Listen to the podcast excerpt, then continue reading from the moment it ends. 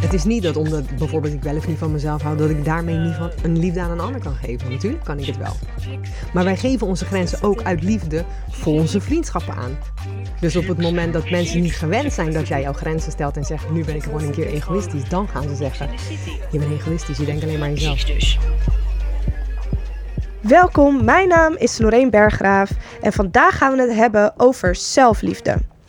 Wat is zelfliefde? En je ziet het steeds vaker voorbij komen op social media. Mensen die het hebben over eigenwaarde, zelfvertrouwen en zelfrespect. Maar wat is zelfliefde nou precies? En hoe leer je van jezelf te houden? We gaan het hier vandaag over hebben in het gesprek met Melissa Hogeveen. En zij is schaduwcoach en begeleidt mensen tijdens hun proces naar zelfliefde. Hierbij brengt zij onder andere de patronen in mensen hun leven in kaart die niet meer dienen, waardoor mensen meer kunnen leven vanuit hun ware zelf. Nou, dat klinkt natuurlijk allemaal erg mooi, maar wat houdt het nou eigenlijk in? Nou, dat gaan we vandaag bespreken met Melissa. Welkom Melissa. Dankjewel. Wat fijn dat je hier bent bij Chicks and the City. Superleuk om hier te zijn. Kan je vertellen wat een schaduwcoach precies doet? Zeker. Laten we even vooropstellen dat schaduwcoach, dat is een term die ik zelf bedacht heb. Omdat um, hè, als je bijvoorbeeld uh, een zelfstandig ondernemer gaat worden, ZZP'er. En um, je komt op een gegeven moment bij de KVK aan. En dan moet je natuurlijk iets concreet gaan maken van wat ben je nou eigenlijk precies aan het doen? Hoe noem je dat? Ja, dan, dat is een hele bijzondere vraag voor startende ondernemers vaak. Omdat ze vaak nog zoekende zijn. Ja. Dus ging ik op een gegeven moment nadenken, ja, maar wat doe ik nou eigenlijk? nou, ik doe heel veel. Uh, waaronder uh, de dingen die ik doe. En toen dacht ik van, ik werk met innerlijk kindwerk, schaduwwerk, mindset coaching en quantum hypnose.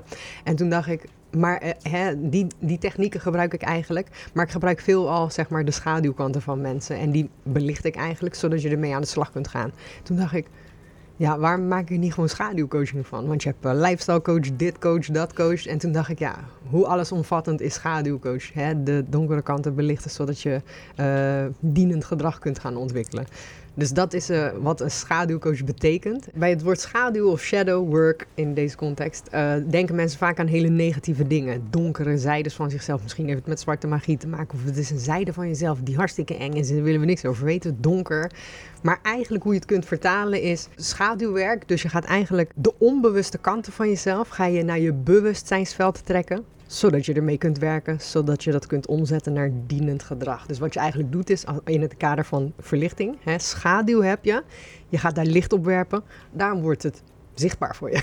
Dus de, de, de kanten van jezelf die je niet ziet, die ga je belichten. En wat betekent zelfliefde voor jou? First of all, hè, als het gaat om zelfliefde, het is een beetje een, een, tegenstrijdig iets. Maar als we over zelfliefde praten, dan hebben we het vaak over dingen, of dan zien we vaak dingen als in um, die extern liggen. We moeten dit doen, we moeten dat doen, want dat is zelfliefde. Maar eigenlijk, wat we moeten doen is herinneren dat we zelf al liefde zijn. We hoeven geen zelfliefde buiten onszelf te zoeken, zelfliefde te ontwikkelen. We hoeven alleen te weten dat we zelf liefde zijn. Als je kijkt bijvoorbeeld in negatieve gedragingen die je niet dienen. Het bewustzijn over dat jij zelf al liefde bent, zegt jou eigenlijk al. Dus je hoeft al die gekke patronen, al die dingen die je niet dienen, al die dingen. Um, jezelf te niet te doen, jezelf te klein houden, jezelf niet te laten zien, jezelf uh, de grond in praten, whatever the hell. Dat hoeft niet. Want je bent al precies goed genoeg zoals je bent, want je bent intern ben je al pure liefde. Juist. Je luistert naar Chicks and the City.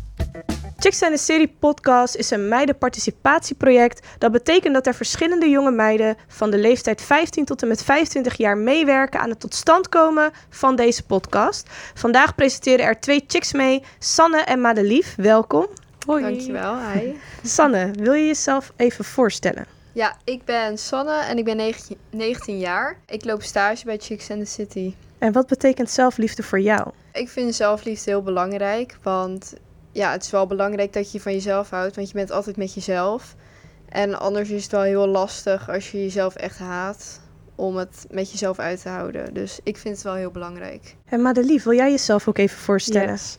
Nou, ik ben Madelief, ik ben 20 jaar, ik ben vrijwilliger bij Chicks. Wat vind jij belangrijk aan zelfliefde? Ik denk vooral het focussen op mezelf en het zelfacceptatie aspect daarvan. Dus zeg maar accepteren wie ik ben, hoe ik ben, hoe ik functioneer, hoe ik daarmee om kan gaan en hoe ik ervoor kan zorgen dat ik zeg maar binnen mijn eigen grenzen blijf. Lijkt het jou nou leuk om een Chicks and the City media chick te worden en tv en podcast te maken? Nou, laat het ons dan even weten via info at chicksandthecity.nl en wie weet zit jij de volgende keer hier bij ons in de studio.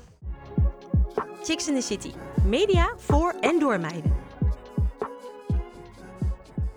De chicks van vandaag hebben allemaal goede vragen voorbereid en ik denk dat we kunnen beginnen met de eerste vraag.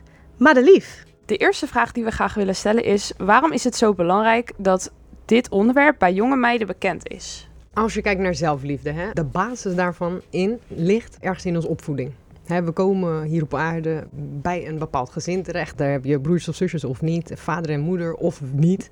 En dat geeft jou als baby zijnde al een gevoel mee. Stel je voor dat jouw vader of jouw moeder jou niet de liefde geeft of kan geven die jij nodig hebt. Of je vader is verdwenen of je moeder, daar is iets mee gebeurd of whatever. Of je ouders zijn zelf niet in staat om jou te geven wat jij nodig hebt. Ze kunnen er fysiek wel zijn, maar dat wil niet zeggen dat ze jou emotioneel ook kunnen voorzien in jouw behoeften. Dan ga jij als kind eigenlijk, kan je als kind maar één ding. En dat is denken, nou dan ligt het dus aan mij. Want baby's hebben heel, heel dat perspectief niet, hebben heel die ideeën niet. Ze denken eigenlijk alleen, ik heb een behoefte, ik word er niet in voorzien. Oké, dan is er dus iets met mij niet goed. Nou, dus dan krijg je dus dan later op, uh, op uh, later leeftijd dat het zich kan gaan ontwikkelen in een laag zelfbeeld, lage eigenwaarde. Uh, en dat je liefde op een andere manier gaat zoeken buiten jezelf. Of dat je um, jezelf teniet gaat doen of relaties gaat aantrekken. Dat is in later stadium. Die eigenlijk laten zien aan jou hoe jij je voelt van binnen. Want vaak als jij bijvoorbeeld negatieve relaties aantrekt, dat zullen heel veel mensen vast wel herkennen dan heeft dat vaak te maken met het beeld wat je van jezelf hebt. Dus terugkomend op jouw vraag, hè, dat was. Uh... Waarom is het zo belangrijk dat het onderwerp bij jonge meiden bekend is? Omdat als jij niet begrijpt in jouw basis dat zelfliefde misschien niet eens zozeer. dat laat zich nu zien op jouw leeftijd. Of je Mhm. wordt je er nu bewust van dat het misschien wel of niet oké is gesteld met jouw zelfliefde. Maar de basis ligt ergens anders. En hoe jonger je bent en daar bewuster mee omgaat, hoe sneller je daar ook invloed op uit kunt oefenen. Want op het moment dat jij beseft dat bepaalde dingen niet allemaal buiten jou liggen, maar ook in jou, betekent het dus dat als jij mij een slecht gevoel geeft, stel je voor, je zegt dat ik lelijk ben. Ja, ik geef een voorbeeld. En ik heb ergens al in mijn, in, in mijn lichaam het gevoel dat ik niet waardig ben of dat ik inderdaad niet goed genoeg ben. Dan is, als jij dat tegen mij zegt, dan is dat een bevestiging voor mij. Je bent sneller geneigd om het dan eh, als waarheid aan te nemen. Je, het Ja. is een bevestiging voor Ja. jou. Stel je voor dat jij tegen mij zegt, hé, hey, jij bent groen. Dan zeg ik, ja, oké, ik weet dat ik niet groen ben, dus ik geloof het niet. Dus ja, do you als dat is wat je wil geloven. Maar ga jij iets zeggen wat mij pijn heeft gedaan ooit ergens in mijn leven... of iets waar ik zelf aan twijfel, dan raakt het mij. Dus dan raak je getriggerd. Nou, wat doen triggers? Die zorgen ervoor dat je allerlei emotionele eh, reacties misschien gaat geven. Eh, of dat je bepaalde relaties gaat aantrekken. Of dat je op een bepaalde manier gaat gedragen. Of dat je jezelf niet op waarde gaat inschatten. Nou, ga zo maar door. Dus hoe jonger jij eigenlijk bezig bent met zelfliefde en dat het heel belangrijk is dat je dat binnen in jezelf oplost of opzoekt, dan ga je het niet meer in de handen van iemand anders neerleggen, waardoor je iemand anders dus niet meer verantwoordelijk stelt voor jouw gevoel binnen. En dat is heel belangrijk, want op het moment dat wij zeggen, hé, hey, ik vind bijvoorbeeld jou als partner dat jij mij moet voorzien in die liefde voor mezelf, dan zijn we afhankelijk. Want als die partner zegt, ja, vandaag heb ik even geen zin, denk jij gelijk shit. Ja, maar dat voelt niet goed. Jij moest dat voor mij doen, snap je? Dus op het moment dat je het zelf leert, zelf ziet dat je het zelf kunt creëren, oplossen, herkennen, herinneren, whatever, dan leer je dus eigenlijk hoe ouder je wordt dat het in je eigen handen ligt. Even een hele andere vraag. Is er ook een negatieve kant van zelfliefde of een keerkant? Zeg maar iets waar mensen in door kunnen slaan bijvoorbeeld? Kijk, op het moment dat je doorslaat, denk ik dat het eerder met trauma te maken heeft of gebrek aan zelfliefde.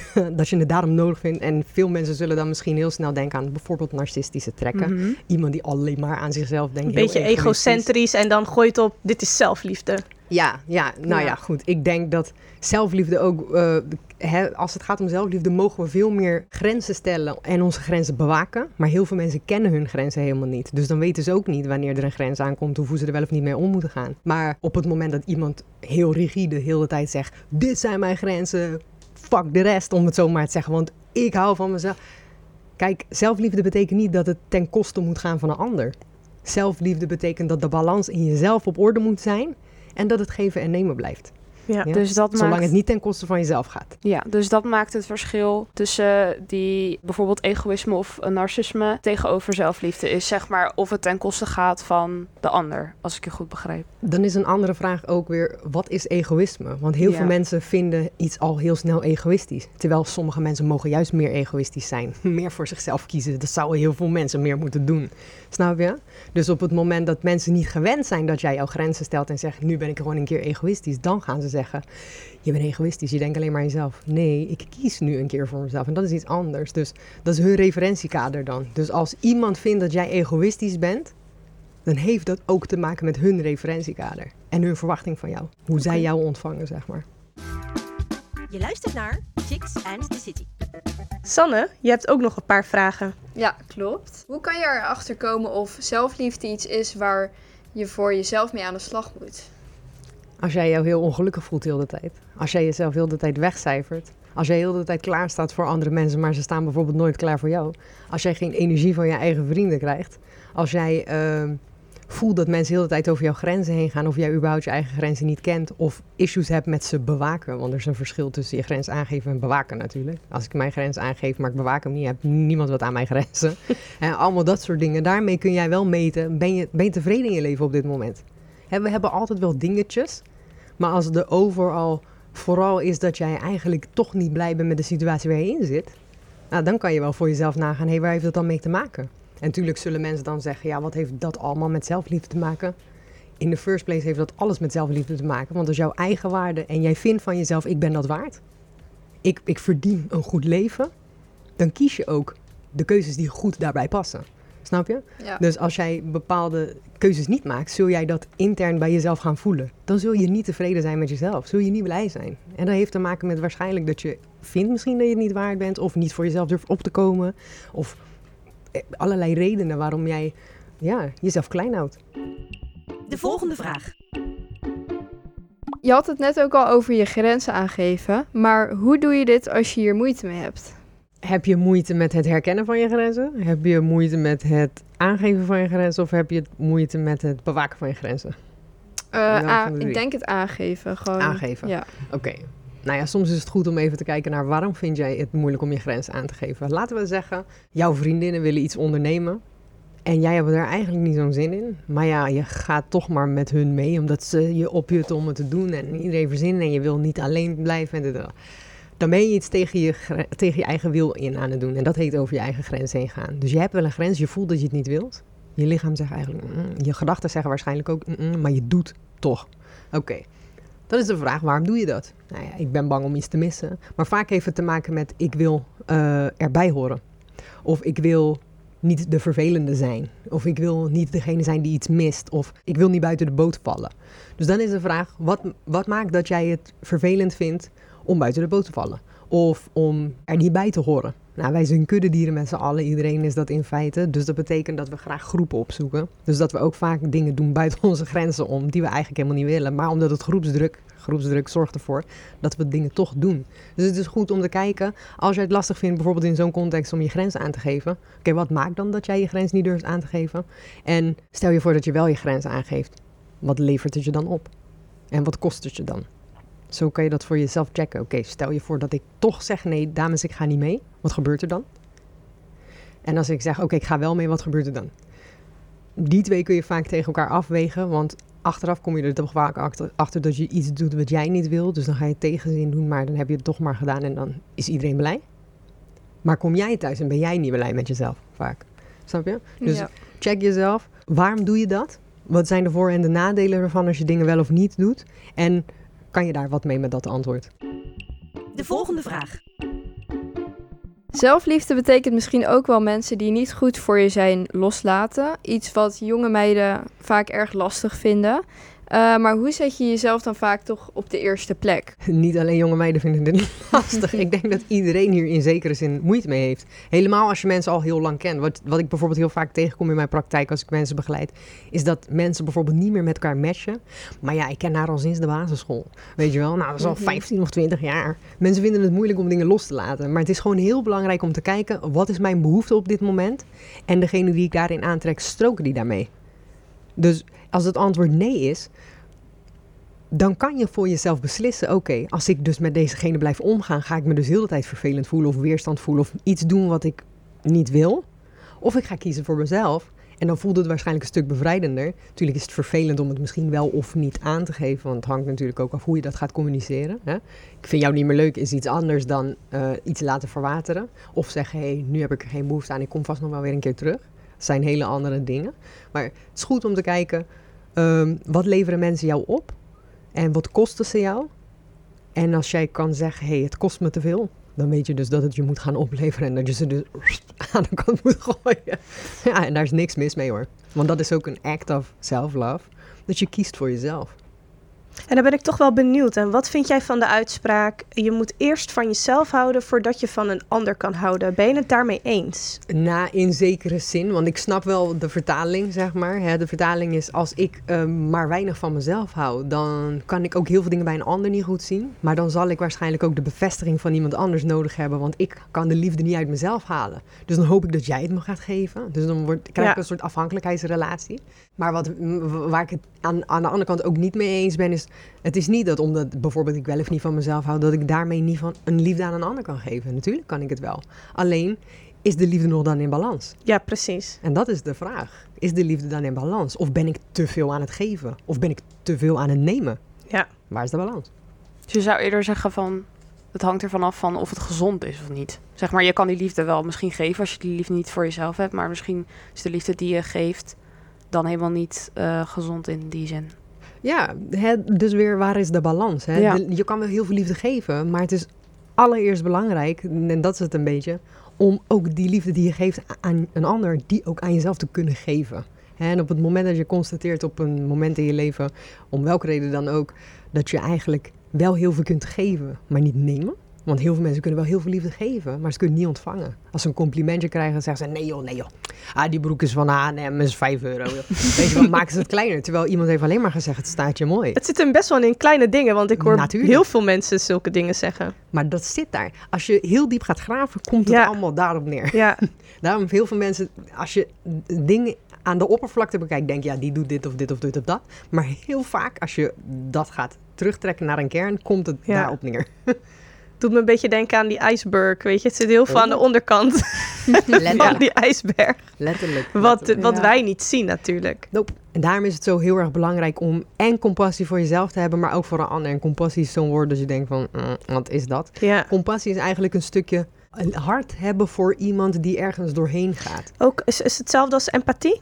Medeleven, ja. Ja. ja, het valt ongeveer allemaal in diezelfde strekking. Zo zou je het kunnen noemen, ja. Het heeft wel allebei net een andere definitie, maar ja, die strekking. Als we het over empathie en compassie hebben, nou goed, ja, dan, Ja, dan... valt het eh, onder dezelfde paraplu oké. ongeveer. Ja. Tips en tricks. Er zijn misschien nu wel meiden die luisteren en ehm, daaraan willen werken om meer van zichzelf te houden. Heb je daar misschien tips voor? Nou ja, hè, goed om te kijken naar, oké, als je het hebt over zelfliefde dan, hè, om het even zo te noemen. Op welke gebieden in jouw leven vind jij dit een uitdaging? Vind je het lastig in vriendschappen?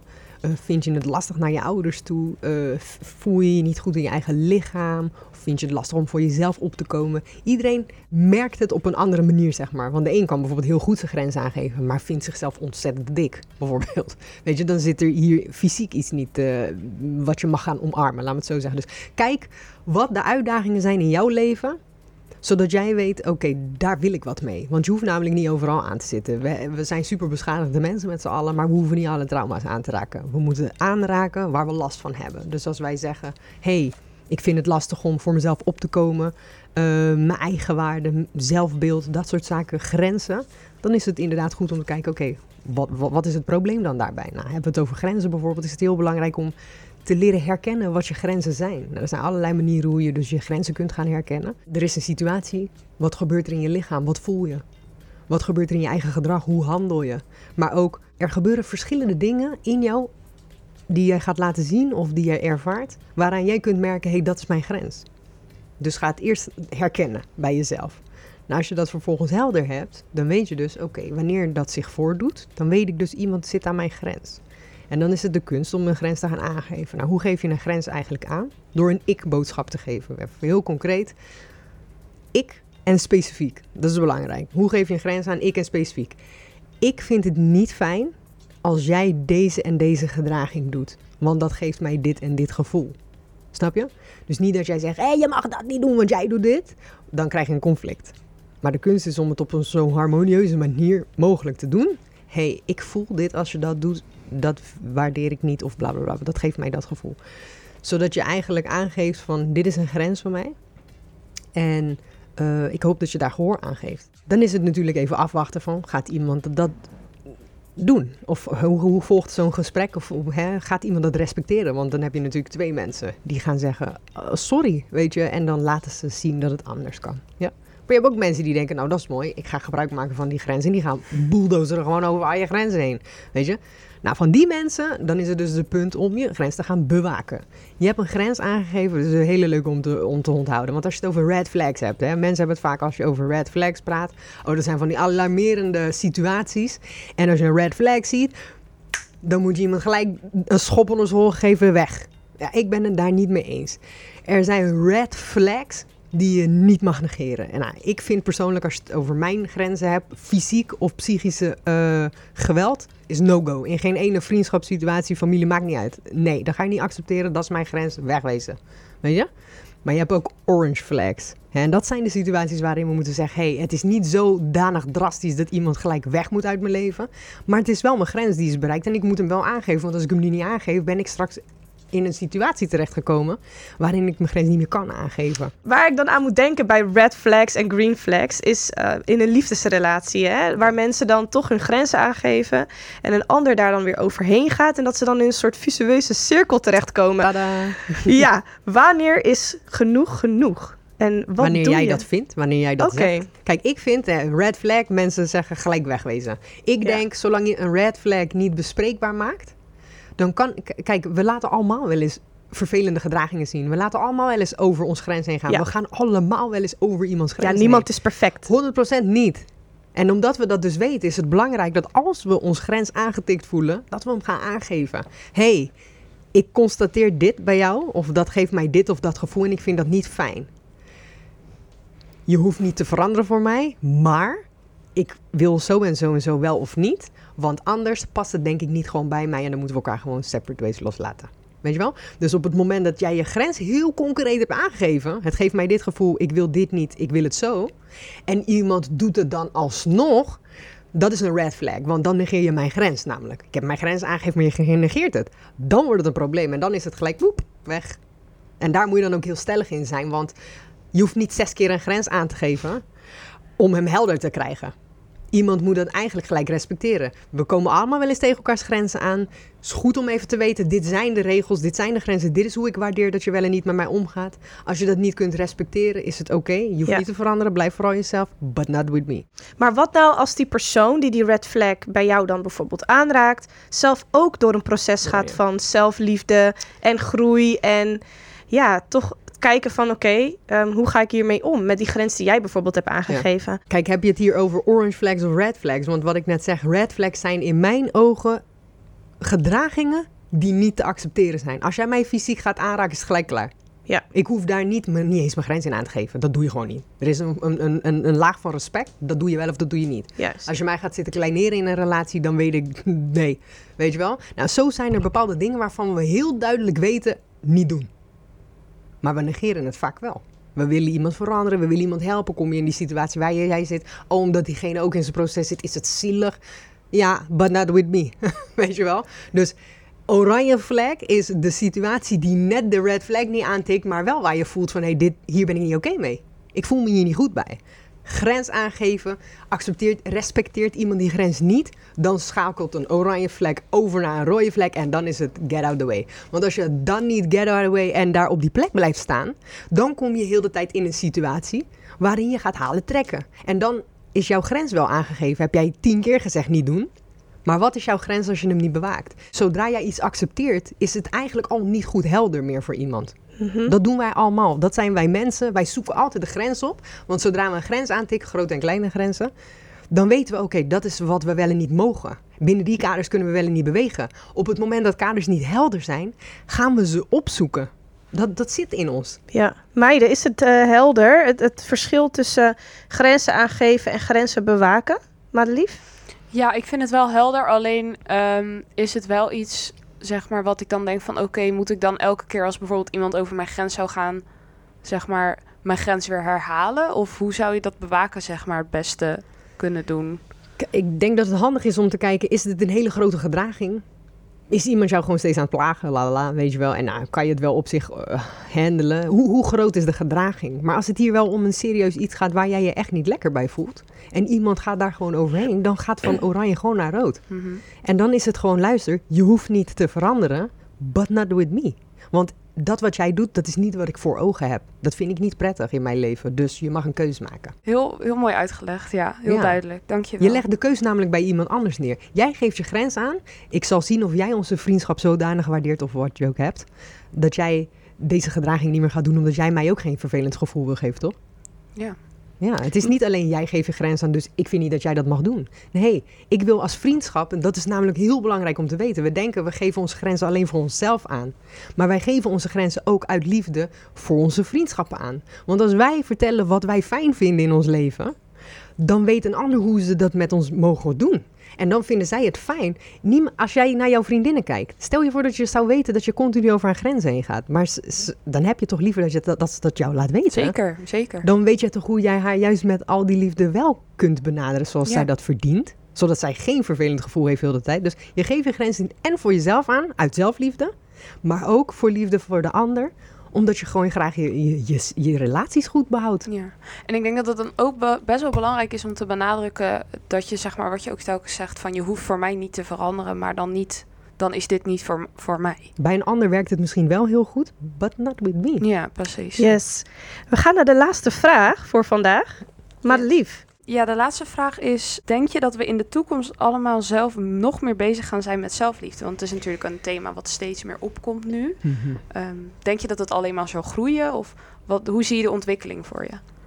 Ik denk dat eh, als ik om me heen kijk, zijn er steeds meer mensen, ook van alle leeftijden. Als ik, ik heb soms jongere dames bij mij in mijn praktijk en ik heb oudere dames. Om, ik ik eh, werk ook met mannen, maar even om binnen de dames te blijven. Jongere en oudere dames. En ik ben zelf 35. Soms komen er dames bij mij en dan denk ik zo, jullie bewustzijn is zo ver. Wist ik dat maar toen ik zo oud was. Dus ik zie daar echt een grote shift in.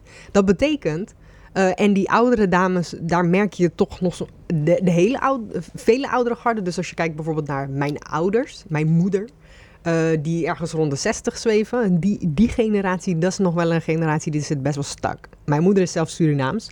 Dat is een, een, een, eh, een groep eh, die best wel bepaalde trauma's met zich meeneemt die ervoor zorgen dat ze soms niet kunnen loskoppelen daarvan. Dat ze zich daar nog mee identificeren. Dat ze nog te, diep in de, in de donkere kant ervan zitten. In plaats van, hey, hoe kunnen we eruit stappen met z'n allen? Maar de leeftijdscategorie van 35, de millennials en die net daarna, die zie je wel dat die langzaam met trauma's aan de slag zijn. Dat die coaches worden, dat die mensen gaan begeleiden en dat soort dingen. Dat betekent dat als ik naar beneden kijk, dat er jongere dames al goed in ontwikkeling zijn, die vaak die bewustzijn al hebben, die wij nog niet hebben of nog mee aan sleutelen. Maar dat betekent ook, om terug te komen op jouw vraag, ja, die dametjes gaan straks ook kinderen maken. En die zullen dat vanuit een andere fundering doen. En die dametjes daar gaan ook weer vanuit een andere fundering. Dus hè, het is een golfbeweging, dus dat betekent dat het eh, zich mag gaan integreren. En dat dat ook wel zal blijven voortvloeien. Chicks in the City. Media voor en door meiden. Wij dompelen ons natuurlijk helemaal altijd onder in het onderwerp voordat onze gast aanschuift. En dat hebben we ook gedaan met het onderwerp zelfliefde. En de dames hebben feitjes en weetjes voor ons. Ik heb het eerste weetje. Hoewel het lijkt alsof het onderwerp zelfliefde typisch iets is van deze tijd, is dat niet zo. De grote Griekse filosoof Aristoteles was er namelijk ook al van overtuigd dat zelfliefde belangrijk is, ook in relaties met anderen. Volgens Aristoteles kan degene die niet bevriend is met zichzelf ook geen sympathie voor anderen hebben. Laat staan hun vriend zijn. Kun je nog andere dingen over zelfliefde uit het verleden noemen? Je hebt het net over dat het eigenlijk al oud is, zelfliefde, om het zo even te zeggen. Maar het is eigenlijk nu een beetje in onze tijd komt het echt heel erg naar voren. Ehm, maar wat ik zeg net, is, liefde, zelfliefde, dat zijn wij zelf. Wij zijn zelf liefde. Dus dat betekent in allereerste kern, eh, voor mij is dat de bron, daar is al liefde aanwezig. Dus dat betekent dat eh, liefde zo oud is als dat alles mag bestaan. Eh, creatie is liefde. Wij komen voort uit liefde. Jouw ouders hebben als goed is liefde gehad. Daar ben jij altijd voortgekomen. Gaan we even van de gezonde situaties uit dan. Hè? Ehm, dat over de geschiedenis van liefde. en dat wij ons mogen herinneren in het verleden dat wij die basis zelf al zijn. Alleen omdat wij hele vervelende dingen meemaken, gaan we ons afschermen. Gaan we niet meer zo liefdevol naar onszelf kijken. Vergeten we dat we zelf liefde zijn. Gaan we anderen niet meer zo liefdevol benaderen. En dan worden we donkerder. En dan komen we in de schaduw te staan. Dan ontwikkel je schaduw, et cetera. En daarom is het zo belangrijk om die schaduw langzaam maar zeker af te doen. Zodat je weer verlicht kunt zijn vanuit je kern. Want dat, dan ben je namelijk liefde. Heel mooi gesproken. Thanks. Ik heb nog een weetje. Uit een onderzoek van de Universiteit van Nebraska is gebleken dat zelfliefde ook op het gebied van werk veel voordelen kan hebben. Mensen die zeker van hun zaak zijn en hun eigen kwaliteiten benoemen tijdens een sollicitatie worden vaker aangenomen dan diegenen die eh, juist misschien een slecht zelfbeeld hebben of daar moeite mee hebben. Hoe zou je dit kunnen verklaren? Nou ja, als jij zelfvertrouwen hebt, dan kan je jezelf waarschijnlijk ook goed verkopen. Dus dan weet je wat je waard bent en dan weet je ook waarom zij jou moeten aannemen. En dan draai je een sollicitatiegesprek om. Want dan ga je niet zeggen van, hé, hey, ik ben dit en dit en daarom moet je me aannemen. Dan ga je zeggen, zo, zijn jullie wel een geschikt bedrijf voor mij? Of ik hier wel wil werken? Laat me horen wat jullie te zeggen hebben. Snap je? Dus dan draai je de stoelen om. En dat maakt het aantrekkelijker voor bedrijven, denk ja, je? tuurlijk. Want Ja. dan, geloof me, als je dat doet, dan val je sowieso op omdat niemand dat doet. Ja, precies. Dus, en het gaat erom bij een sollicitatiegesprek hè, dat je opvalt. Ja. Nou, als jij eh, zoveel zelfvertrouwen hebt dat mensen denken: wow, die komt eigenlijk vragen of wij wel een geschikt bedrijf voor haar zijn. ja. Tables are turning. nou, dan word je, Je wordt onthouden, ja. Dat. Ja, ja, ja. Je luistert naar Chicks and the City. We zijn alweer aan het einde gekomen van deze aflevering. Mocht je deze aflevering nou ontzettend leuk vinden, check dan even onze socials: Insta, TikTok, Facebook en natuurlijk onze website chicksandthecity.nl. Ik wil de gast bedanken, Melissa Hogeveen. Hartelijk dank voor jouw ja, je kennis over zelfliefde. Ehm, als het gaat over schaduwkanten in jezelf, maar ook over het grenzen aangeven en grenzen bewaken, hoe belangrijk dat eigenlijk is. Hartstikke bedankt. Ik wil ook Madelief bedanken. En Sanne, heel goed dames, hele goede vragen. Dankjewel. Jij ook bedankt. Ja, graag gedaan. Altijd heel erg leuk. En ik wil ook de regie bedanken. De dame bij de regie is vandaag Nicolie. Mijn naam is Lorraine Bergraaf. En tot de volgende Chicks and the City podcast. Ciao! We zijn altijd op zoek naar interessante sprekers en onderwerpen voor onze podcasts en televisieafleveringen. Heb jij een verhaal dat verteld moet worden? Of vind jij dat wij een bepaald thema moeten behandelen? Laat het ons weten. Info at chicksandthecity.nl Of via Instagram at chicksandthecity. Of onze website chicksandthecity.nl